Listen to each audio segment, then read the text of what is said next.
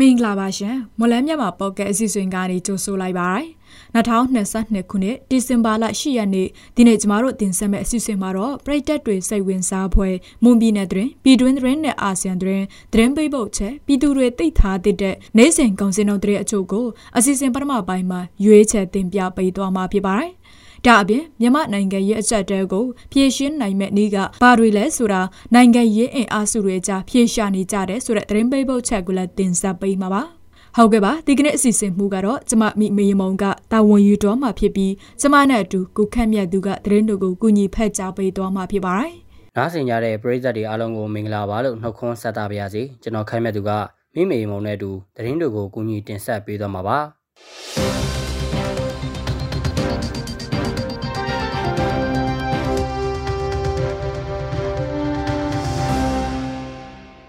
စစ်ကောင်စီကចောင်းသားတွေကိုဒေရန်ချမှတ်တဲ့အတွက်မွန်ပြည်နယ်ကြိုက်မရောအကျဉ်းထောင်ကနိုင်ငံရေးအကျဉ်းသားတွေမနေ့ကစားပြီးအစာငတ်ခံဆန္ဒပြနေတယ်လို့အကျဉ်းထောင်နဲ့နှိဆက်သူတဦးကပြောပါတယ်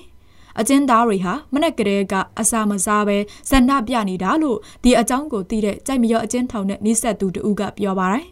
အသက်18နှစ်ကနေ20အရွယ်ရှိတဲ့တကုံတက္ကသိုလ်ကျောင်းသား9ဦးအပါအဝင်လူငယ်12ဦးကိုနိုဝင်ဘာ30ရက်ကအင်းစိန်ထောင်အတွင်းစစ်ခုံရုံးကနေရာဇသက်ကြီးဥပဒေပုံမှ300နှစ်လူတက်မှုနဲ့တေရန်ချမှတ်ခဲ့တာပါစစ်ကောင်စီရဲ့ဒီလောက်ရက်ကိုကက်ကွက်တဲ့အနေနဲ့ကြိုက်မရောအကျဉ်းထောင်တွင်းကနိုင်ငံရေးအကျဉ်းသားတွေစန္ဒပြနေတဲ့အကြောင်းကိုအကျဉ်းထောင်နဲ့နှိစက်သူတွေကတစစ်သတင်းဖြတ်ဝေခဲ့တာဖြစ်ပါတယ်။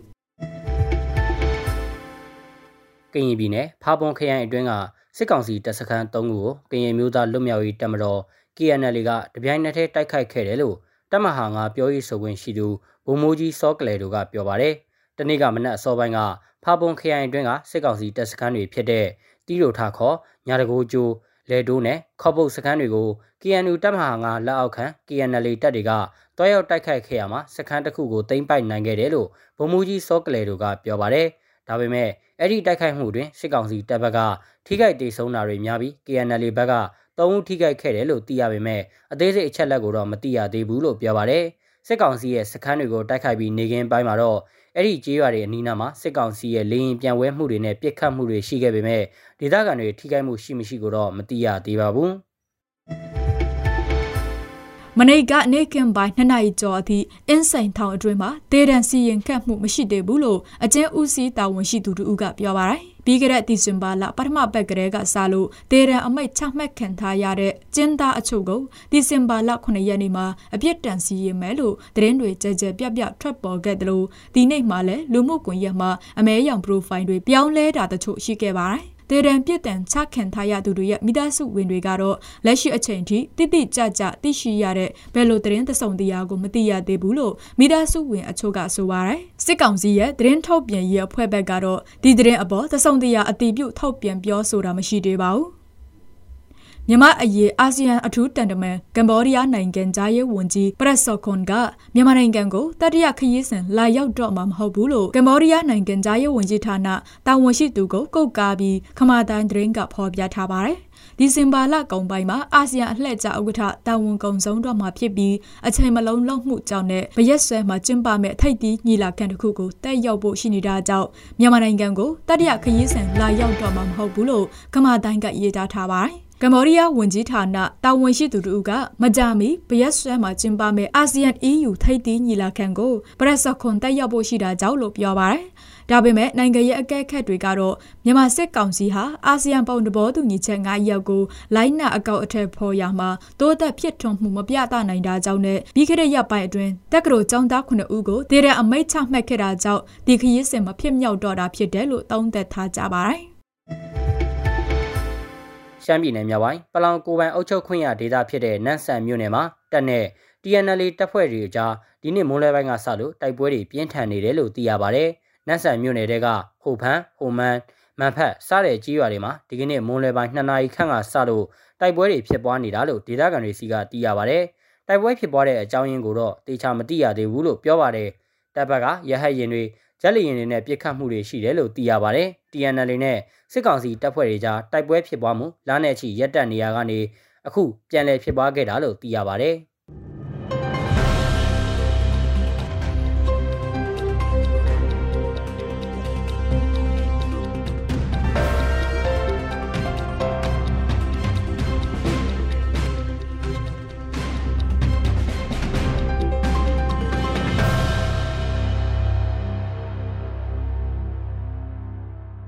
ဟုတ်ကဲ့ပါဆက်လက်ပြီးတော့ပြည်သူတွေသိထားတဲ့နေစဉ်ကုန်စင်တော်တဲ့အကျိုးကိုမလမြိုင်ကောင်စီတိုင်းကအချက်လက်တို့ကိုအခြေခံပြီးစမကတင်ဆက်ပေးပါအောင်မယ်ဒီကနေ့ထိုင်းနဲ့မြန်မာငွေလဲနှုန်းကတော့ထိုင်းဘတ်89တရမ1ခုဝယ်ဈေးရှိပြီးရောင်းဈေးက83တရမ6နှစ်ရှိနေပါတယ်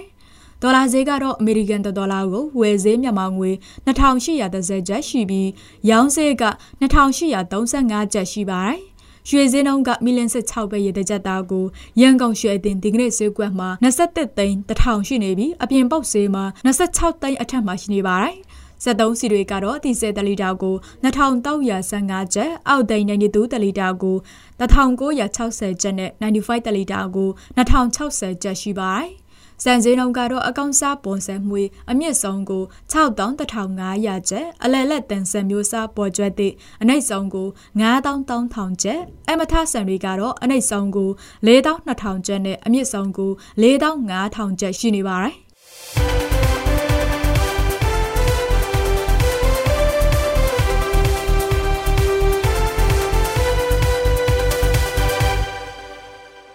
အခုတင်ဆက်ပေးသွားခဲ့တာကဒီဇင်ဘာလ10ရက်နေ့မှာဖြစ်ပျက်ခဲ့တဲ့မွန်ပြည်နယ်တွင်ပြည်တွင်းသတင်းနဲ့အာဆီယံသတင်းတွေပြင်တနိဒာစီစိငွေစဲနဲ့ကောင်စင်းတော်တွေကိုတင်ဆက်ပေးသွားခဲ့တာပါဆက်လက်ပြီးတော့မြမနိုင်ငံရဲ့အကြက်တဲကိုဖြည့်ရှင်းနိုင်မဲ့နေ့ကဘာတွေလဲဆိုတာနိုင်ငံရဲ့အင်အားစုတွေကြားဖြည့်ရှာနေကြတဲ့ဆိုတဲ့သတင်းပေးပို့ချက်ကိုဒေါ်တာကတင်ဆက်ပေးပါမယ်ရှင် မြန်မာနိုင်ငံမှာလက်ရှိဖြစ်ပေါ်နေတဲ့နိုင်ငံရေးအကြက်အသေးကိုဖြေရှင်းနိုင်မဲ့နီလန်ဟာဘယ်နီလန်ကအကောင်းဆုံးဖြစ်မလဲဆိုတာသက်ဆိုင်ရာနိုင်ငံရေးအင်အားစုများကြားဆွေးနွေးအဖြေရှာလျက်ရှိနေပါတယ်။တချို့တော့အင်အားစုတွေကအပြုတ်တိုက်ရေးကိုဦးတည်နေတယ်လို့တချို့အဖွဲ့အစည်းတွေကတော့သွေးဆောင်ဆွေးနွေးခြင်းကအကောင်းဆုံးလို့လက်ခံနေကြပြီးအယူအဆတွေကွဲလွဲညှင်းခုန်နေကြပါတယ်။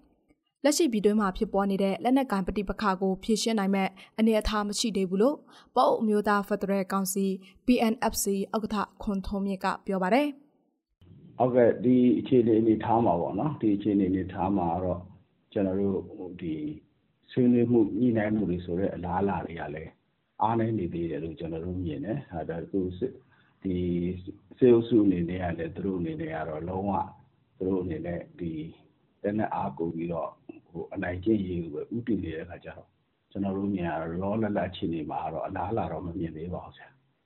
2021ခုနှစ်ဖေဖော်ဝါရီလ3ရက်နေ့စစ်တပ်ကအာဏာသိမ်းပြီးနောက်ပိုင်းစက်ကျင်စန္ဒပြမှုတွေနဲ့အတူလက်နက်ကင်တော်လှန်ရေးကိုဆင်နွှဲလျက်ရှိနေကြပါတယ်။အဲ့ဒီနောက်စီပွားရေးနိုင်ငံရေးကျန်းမာရေးပညာရေးလူမှုရေးစတဲ့အခန်းကဏ္ဍတွေနှိပ်ကြကစက်သေးရုန်းကန်နေကြပါတယ်။ အလားတူလက်နက်နဲ့မူရစေးတွေပြည်တွင်းကိုအစမတန်ပြပွားနေတာကြောင့်အရက်သားတွေရဲ့လုံခြုံရေးကိုလည်းချိန်ချောက်ခံနေရပါတယ်။လက်ရှိမှာစစ်ကောင်စီနဲ့တိုင်းရင်းသားလက်နက်ကိုင်အဖွဲ့အစည်းတချို့တွေကြားငြိမ်းချမ်းရေးဆွေးနွေးနေပြီးငြိမ်းချမ်းသွားမှာဖြစ်တယ်လို့ရှမ်းတိုင်းရင်းသားများဒီမိုကရက်တစ်ပါတီ SNDP မှဥက္ကဋ္ဌဆိုင်အိုက်ပောင်ကပြောပါတယ်။အပြုတ်မတိုက်လို့ပဲအေးအေးနဲ့တော့မှအတက်ခက်ရက်စဲနေပြီလေခင်ဗျာဒီမှာ KNU နဲ့လည်းဆက်ဆက်နေတယ်နော်ခင်ဗျားတို့ PDR တွေကမရောက်တာဆက်ဆက်နေတယ်အဖြေရတော့မှာ ဟော KNU နဲ့ဆက်ဆက်နေတယ်အဖွဲ့နာမည်တော့ကျွန်တော်မပြောပြစေနဲ့ဆက်ဆက်နေတယ်အခြေအနေကောင်းနေတယ်နောက်ပိုင်းနည်းနည်းညှိကြသွားမယ်လက်ရှိမြန်မာနိုင်ငံရဲ့အကြက်တဲဟာစစ်တပ်ကြောင့်ဖြစ်ပေါ်လာတာဖြစ်ပြီးနိုင်ငံရေးမပြေလည်မှုကိုစစ်တပ်ကကြားဝင်လာတာလို့ရခိုင်နိုင်ငံရေးသမားဦးဖေတန်းကပြောပါတယ်။နိုင်ငံရေးဒီလိုမရှိနိုင်ငံရေးဆိုတာကတော့အတိုက်ခံရှိမယ်ပြောကြမယ်ဆိုကြမယ်ပြီးတော့ပြည်သူရဲ့အဆုံးဖြတ်ကိုခံကြမှာပေါ့ပြည်သူရဲ့အဆုံးဖြတ်ကိုခံပြီးတော့ဖြေရှင်းကြမှာပေါ့ ဒီပါတီကိုမကြိုက်ရင်နောက်တပါတီကိုမဲပေးမှာပေါ့အဲ့တော့ပြည်သူဒီပါတီတွေကလည်းလက်လွတ်ဆွဲမလုပ်ပါဘူးအဲ့တော့တိုင်းသားတွေကလည်းသူဖက်ဒရယ်အခွင့်အရေးကိုတောင်းမှာပေါ့ရင်းနှီးကြမှာပေါ့ဗျာဒီဖြစ်စဉ်ကိုဒီဖြစ်စဉ်ကိုလွတ်လွတ်လပ်လပ်လုပ်ခွင့်မရှိအောင်တတ်မတော်ကကြောင်းဝင်ထားတယ်အဲကိုနိုင်ငံရေးရှိပါတီရှိချင်းနိုင်ငံရေးသမားရှိချင်းညှိနှိုင်းလို့မရနိုင်အောင်ဒီတတ်မတော်က